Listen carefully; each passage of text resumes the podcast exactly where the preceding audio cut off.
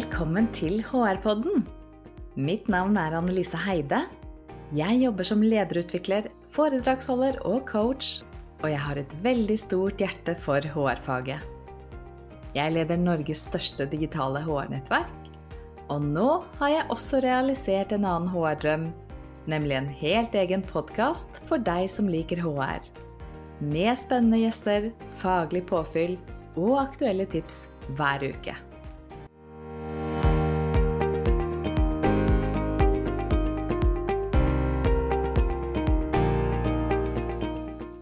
Velkommen til ukens episode av HR-podden. Denne uken skal vi ta for oss medarbeiderundersøkelsen. Du vet, denne årlige målingen der vi forsøker å sjekke ut hvordan det står til i organisasjonen akkurat nå. Finne ut om folk trives på jobben, om de er engasjert i oppgavene, om de føler seg sett og verdsatt, er fornøyd med lederen, eller hva som helst annet som dere velger å spørre om. Noen virksomheter måler én gang i året, noen måler annethvert år, og andre kompletterer den årlige undersøkelsen med jevnlige pulsmålinger. Og I en pulsmåling så sender man ut noen få spørsmål hver uke, hver måned, eller kanskje en gang i kvartalet. Det er mange gode argumenter for å måle hyppigere enn én gang i året. Ikke minst det at vi lever i en verden der ting er i konstant endring. Organisasjonsstrukturer endres, rammebetingelser forandres, ledere byttes ut, medarbeidere slutter og nye medarbeidere begynner, for å ikke snakke om alle de andre tingene som påvirker tilfredshet og engasjement i hverdagen. Så det er naturlig å tenke at hyppige målinger gir et bedre og mer helhetlig bilde enn denne én gang i år-undersøkelsen.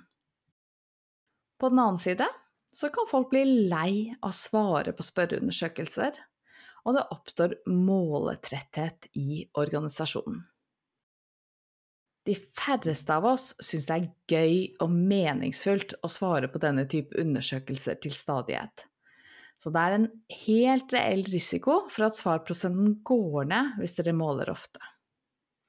Samtidig så er det mange som har god erfaring med jevnlige pulsmålinger, så det er absolutt mulig å få det til å fungere. Jeg tenker det handler mest om hvordan man bruker resultatene. Hvis medarbeiderne ser at det blir brukt til noe, og har eierskap til prosessen, så er det mye større sjanse for at man gidder å svare. Det føles meningsfullt når det du bidrar med, blir tatt på alvor. Det må også være sånn at spørsmålene oppleves som relevante. At det er enkelt å forstå hva man faktisk spør om, og at de spørsmålene som er i undersøkelsen, oppleves som aktuelle og viktige for dem som svarer. Men i dag så skal vi ikke snakke om hvilken type måling som er best, verken i forhold til type undersøkelse eller hvor ofte du bør måle, selv om det er veldig viktig. Men denne episoden skal rett og slett handle om prosessen, og spesielt om det som skjer etter at organisasjonen har gjennomført målingen. En av de største fallgruvene med denne type undersøkelser er manglende oppfølging altfor mange organisasjoner som glipper allerede her. Som ser på undersøkelsen som en form for temperaturmåling, men ikke gjør noe spesielt etterpå. En studie fra Danmark viser at det å måle medarbeiderengasjement, men ikke følge opp i etterkant, det gir lavere medarbeiderengasjement enn om du ikke hadde målt i det hele tatt. Og det er i grunnen ikke så rart. Hvis du først har spurt medarbeiderne om hva de syns om sin arbeidsplass, så har du skapt en forventning om at dere kommer til å gjøre noe med deres innspill. Og organisasjoner som ikke jobber med resultatene, de bryter ned den tilliten som medarbeiderne da har til at du faktisk bryr deg om deres mening. Så punkt én handler om å jobbe med resultatene. Her kan dere på HR gjerne legge en plan for hvordan det skal gjøres, og utvikle en prosess eh, med hva som skal skje i for- og etterkant av undersøkelsen, men nøkkelen den ligger hos lederne. Jeg tenker det er helt avgjørende at lederne ser dette som et godt og verdifullt arbeidsverktøy, en gyllen anledning til å ha verdifulle samtaler om kultur og samhandling på teamet. Så det begynner med å etablere en felles forståelse for hvorfor vi gjør denne type undersøkelser. Dernest så handler det om å hjelpe lederne til å følge opp på en god måte. La oss komme tilbake til denne. Fallgruve nummer to er at det går for lang tid. Det tar for lang tid før man får ut rapportene, og deretter så tar det litt tid før lederen får booket workshops med teamet, og enda litt lengre tid før man får gjennomført planlagte workshops. Og 1, 2, 3 så føles tallene helt utdaterte. Det har jo skjedd så mye siden man målte, og så blir man sittende og diskutere om dette egentlig gjelder nå, i stedet for å jobbe med konkrete oppfølgingstiltak. Når det gjelder timing, så har jeg følgende tips. Du bør starte med å legge en tidslinje for hele prosessen når du planlegger for undersøkelsen. Legg en periode for gjennomføring, hvor mye tid du eller din leverandør trenger for å lage rapportene, og sjekk at den tiden, det tidspunktet når dere får tilbake rapportene, er et godt tidspunkt for å gjennomføre workshops. Det betyr at det bør helst ikke være sommerferie, høysesong, eller at det er noen andre store aktiviteter som foregår omtrent samtidig. Det er f.eks. ikke noen god idé å legge eh, oppfølging fra medarbeiderundersøkelser til akkurat samme tid som den årlige medarbeidersamtalene fordi at det også tar tid fra lederne. Jeg ville forankra denne tidsplanen, eh, den som du lager, den prosessplanen som du lager, med ledergruppen og med linjelederne, sånn at de vet om det som skal skje i forkant, og kan sette av tid til workshops allerede før du sender ut undersøkelsen. Ideelt sett så kan lederne booke inn sine egne workshops før undersøkelsen blir sendt ut, så lenge de vet når de får rapportene jo før jo bedre, for det er veldig fort gjort at det blir utsettelser når man skal finne en dato som passer for alle i etterkant. Så fallgruve nummer to det handler altså om tid. Og denne fallgruven den kan omgås med god planlegging og det å sørge for at lederne kjenner tidsplanen, og at de får resultatene relativt raskt. Fallgruve nummer tre handler om hvordan man følger opp. Og jeg kaller det fallgruve fordi det er noen ledere som trår veldig feil her. Det er ledere som blir opptatt av hvem som har sagt hva, og i verste fall leter etter syndebukker eh, hvis man ikke får den scoren som man ønsker seg eller har forventet.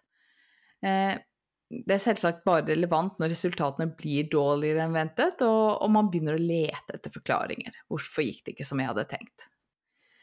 Noen ledere syns ja, Dette er sikkert sjeldenhetene, men jeg har hørt eksempler på ledere som syns det er en god idé å følge opp med én-til-én-samtaler for å få innsikt og forståelse. Og selv om jeg er 100% for jevnlige én-til-én-samtaler med leder og medarbeider, så vil jeg advare mot å følge opp de konkrete punktene i medarbeiderundersøkelsen i disse samtalene. Da føles det plutselig som undersøkelsen ikke er anonym likevel. Så her handler det om å få til en god oppfølgingsprosess gjennom workshops og samtaler med hele teamet. Eh, workshops der du én Lær medarbeiderne bruke tid på å gjøre seg kjent med resultatene, og 2. Åpne for refleksjon og dialog om resultatene, der det handler om å forstå hva som fungerer godt, og hva som ikke fungerer så bra i dag og 3. Jobbe med forslag til konkrete tiltak. Og det lønner seg å la medarbeiderne få tid til å bli kjent med resultatene før dere begynner å jobbe med tiltak. Jeg vil anbefale en todelt prosess, der del én handler om å få innsikt i resultatene og hva som ligger bak disse, og del to handler om å diskutere aktuelle tiltak for teamet. Noen HR-avdelinger velger å være med lederne ut for å kjøre workshops i teamet, sånn at HR bistår med fasilitering, men de fleste har ikke tid og mulighet til det.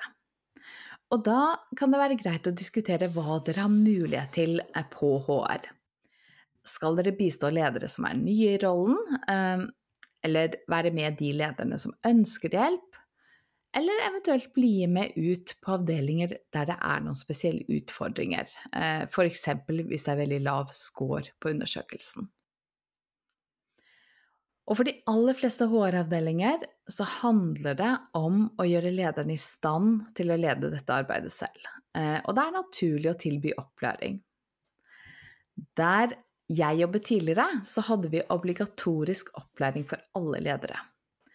Du fikk et mini-fasiliteringskurs når du var ny som leder i virksomheten, eller kanskje når du var ny i lederrollen, og du kunne bli med på repetisjon senere om du ønsket det.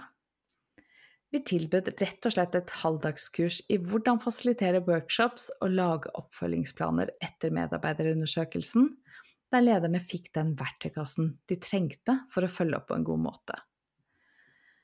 Eh, for oss så handlet det mye om å engasjere lederne i denne årlige medarbeiderundersøkelsen, og se på den som et godt og verdifullt verktøy, men minst like mye å hjelpe dem til å se hvordan de selv kunne jobbe med trivsel og arbeidsmiljø på egen avdeling.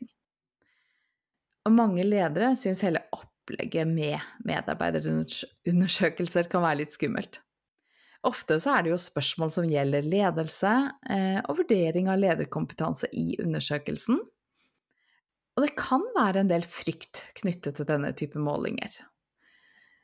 Og mange ledere syns faktisk også det er vanskelig å gjennomføre workshops på en god måte. De får kanskje ikke det engasjementet de ønsker seg, eller de gode innspillene. Um, og de har ikke den fasiliteringskompetansen som skaper engasjement og dialog når man holder workshops. Så for oss så handlet det om å gi lederne trygghet og mestringsfølelse. Men ikke minst lære dem opp i hvordan stille gode og åpne spørsmål, hvordan legge til rette for dialog og åpenhet, hvordan skape psykologisk trygghet i gruppen, og bare gi de helt konkrete verktøy for hvordan de kunne fasilitere workshopen. Hvis du er litt nysgjerrig på denne lederopplæringen, så skal jeg holde et gratis digitalt lunsjmøte hos Habberstad fredag 17. mars, der jeg deler litt mer av disse konseptene. Eh, og du finner link til påmelding i shownotes for denne episoden, eller på habberstad.no. Hva mer er det viktig å tenke på? Jo, for ledere som skal jobbe med tiltaksplaner, så begynner de med å vurdere hva som er viktigst. Noen eh, sånne type medarbeiderundersøkelser har rapporter som hjelper deg til å velge ut de viktigste fokusområdene, det som betyr mest for engasjement. Eh, andre ganger så må du faktisk gjøre det selv. Og det er viktig at lederen ikke går rett på det som har lavest score, og tenker det er dette vi må jobbe med, for det kan være andre ting i undersøkelsen som er vel så viktig for teamet. Og så er det jo heller ikke sånn at man skal ta det for gitt at selv om vi har en høy score på noe, så trenger vi ikke å snakke om dette her. Jeg tenker Det er jo vel så viktig å prate om hva er det som fungerer, hva er det vi gjerne vil beholde, som vi setter pris på, som det som ikke fungerer, som vi faktisk må gjøre noe med. Så vi skal ikke ta det som gitt eh, at eh, det vi scorer høyt på, det bare varer og varer uten at vi har fokus på det. Og når man lager tiltaksplaner, da gjelder det også å være litt edruelig. For det er flott å få opp mange ideer, eh, og jeg heier på kreative workshops med masse energi og masse forslag til tiltak, men det må prioriteres før vi lager tiltaksplan. Det er umulig å gjøre alt på en gang, og hvis du lager for lange tiltaksplaner, så er du nesten garantert å tryne. Tro meg, jeg har forsøkt. Jeg hadde en gang en prosess i en avdeling som virkelig slet med kultur og arbeidsmiljø veldig mange år siden. Da var jeg leder og jobbet ikke med HR. Og vi fikk til en kjempefin prosess med masse gode forslag. Og jeg klarte å lage en liste med alle punktene, framfor å prioritere og tydeliggjøre hva vi burde fokusere på her og nå. Jeg tror vi hadde noe sånn som 28 punkter, oppfølgingspunkter. Og det er veldig mange år siden, men tro meg, jeg gjør det aldri igjen. Det er lett å bli ambisiøs og ivrig når du får stort engasjement hos medarbeiderne. Men det er smart å jobbe etter prinsippet less is more. Velg heller ut noen få punkter, og fokuser ordentlig på disse. Det kan også være greit å tydeliggjøre for medarbeiderne hvordan dette fungerer, og gjerne i forkant. Forklare at vi starter med en kreativ prosess der vi får opp mulige tiltak, og at neste trinn vil handle om å prioritere. Det hender at eh, noen medarbeidere blander sammen involvering og beslutning, eh, og ikke forstår at det å bli spurt innebærer ikke at alt som blir foreslått, kommer inn i tiltaksplanen. Der jeg jobbet på HR tidligere, så hadde vi lagt opp til en involverende prosess eh, med alle medarbeidere, der man foreslo og drøfta tiltak, og så var det leder som satte seg ned sammen med sin leder for å prioritere tiltak som igjen ble presentert for medarbeiderne. Og det er viktig at leder faktisk presenterer hva som blir besluttet, og ikke minst følger opp tiltaksplanen gjennom året. Ja, det er superviktig. Altfor ofte så lager vi planen, og så glemmer vi litt å holde tak i den etterpå. Og noen ganger så er lederne kjempeflinke til å gjennomføre, men dårlige til å kommunisere om arbeidet. Og i verste fall så tror medarbeiderne at du ikke har gjort noe som helst, men sannheten er bare at vi glemte å kommunisere om det. Så filosofien er ganske enkelt. Si noe om hva dere skal gjøre, involver medarbeiderne i gjennomføringen, og minn gjerne om hva dere har gjort. Altså, ta statusmøter på tiltaksplanen fra medarbeiderundersøkelsen gjennom året. Det kan være et enkelt agendapunkt på noen av teamets ordinære avdelingsmøter én eller to ganger i halvåret, eller det kan være egne møter. Det vurderer du selv, hva som passer for dere. En siste liten ting om tiltaksplanene. Fokuser gjerne på ting som dere på teamet faktisk kan gjøre noe med. Når man kjører denne type workshops, så har det lett for å handle om hva alle andre skal gjøre, eller nærmere bestemt hva ledelsen skal gjøre. Jeg pleier å skille tydelig mellom tiltak som gjelder noen andre, og tiltak som vi selv kan eie på teamet. Tiltak som gjelder andre, de setter vi på parkeringsplassen. Gjerne en flip-over med en stor P, der jeg skriver opp tiltakene for å visualisere at vi har notert innspillet. Men selve tiltaksplanen til teamet, den skal handle om ting som vi selv kan gjøre noe med. Det kan f.eks. handle om at vi skal bli flinkere til å gi hverandre anerkjennelse og positiv feedback. Eh, kanskje det handler om det sosiale, at vi skal spise lunsj sammen oftere. Eller at vi skal faste dager der vi møtes på kontoret. Eller andre ting som teamet selv har anledning til å påvirke. En tiltaksplan bør også være konkret nok til at vi kan si om vi har lykkes med det eller ikke når vi evaluerer. Eksempelvis så bør spise lunsj sammen oftere formuleres på en så konkret måte at vi må vite om vi har fått det til eller ikke hvis noen spør senere. Teamet ønsker å spise lunsj sammen minimum to dager i uken, fortrinnsvis på tirsdager og torsdager når alle er på kontoret. Kan være et sånt eksempel. Og så er det parkeringsplassen. Vi må ikke glemme den. Det som blir plassert på parkeringsplassen i workshopen, det må bringes videre til HR eller til ledelsen i virksomheten. For her er det sannsynligvis verdifulle innspill som andre må høre om. Og ideelt sett så bør ledergruppen ha en egen workshop på tiltak etter medarbeiderundersøkelsen, som er basert på innspill som man har fått fra teamene sine workshops. Så i akkurat denne type prosess vil jeg startet nederst i hierarkiet, få innspill fra teamavdelinger, og så avrunde med en prosess i øverste ledergruppe, der de kan få innsikt i alt det som rører seg rundt i organisasjonen, og ta del i innspill som gjelder organisasjonen, og ikke bare det man snakket om i timene. Så for meg så handler ikke medarbeiderundersøkelsen om målingen i seg selv, det å få ut et tall, men hvordan vi bruker dette verktøyet til å skape gode og verdiøkende prosesser med fokus på engasjement, trivsel og arbeidsmiljø. La meg si noe avslutningsvis om dette med medarbeidernes engasjement for undersøkelsen. Det starter med at medarbeiderne ser at disse undersøkelsene blir brukt til noe, at vi tar deres innspill på alvor. Og det i seg selv påvirker svarprosessen enormt. Jeg har jobbet i virksomheter der vi har fått en rimelig god oppslutning for disse målingene. Sånn rundt 90% av medarbeiderne har svart. Eh, og det gjelder også i organisasjoner der ikke alle sitter foran PC i sin hverdag.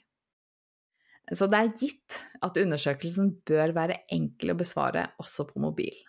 Hvis du har mennesker som sitter i kundesenter, jobber i servicemottak eller lignende, der det er vanskelig å komme fra, så bør det settes av tid til å gjennomføre undersøkelsen i løpet av arbeidsdagen. Men det som kanskje betyr aller mest for svarprosenten, er lederne sin holdning til undersøkelsen. Dette må ikke bli en HR-greie. Det er derfor det er så viktig at linjelederne selv ser verdien i denne type undersøkelser, og ikke minst at toppledelsen er interessert i resultatene.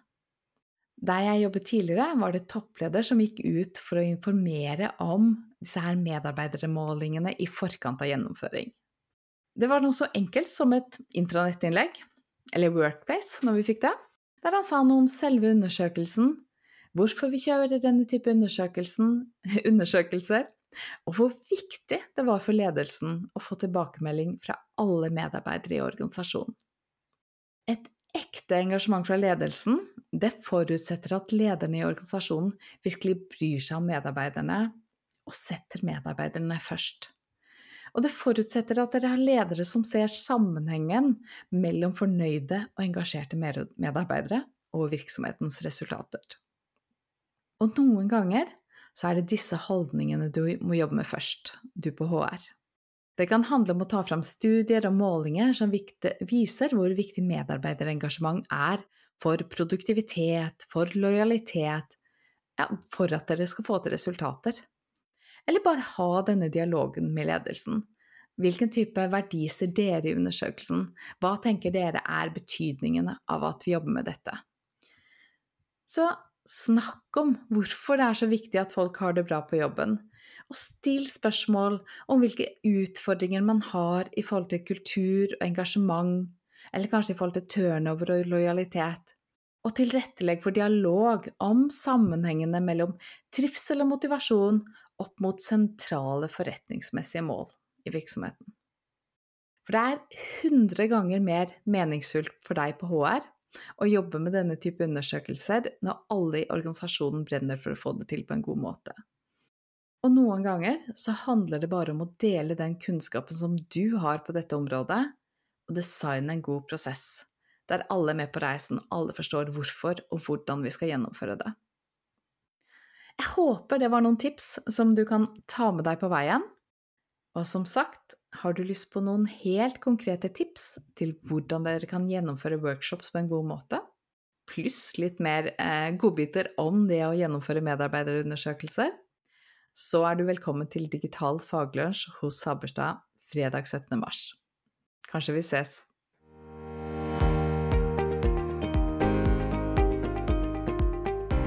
Synes du dette var nyttig? Tips gjerne en venn eller kollega om episoden sånn at flere kan få glede av det vi deler.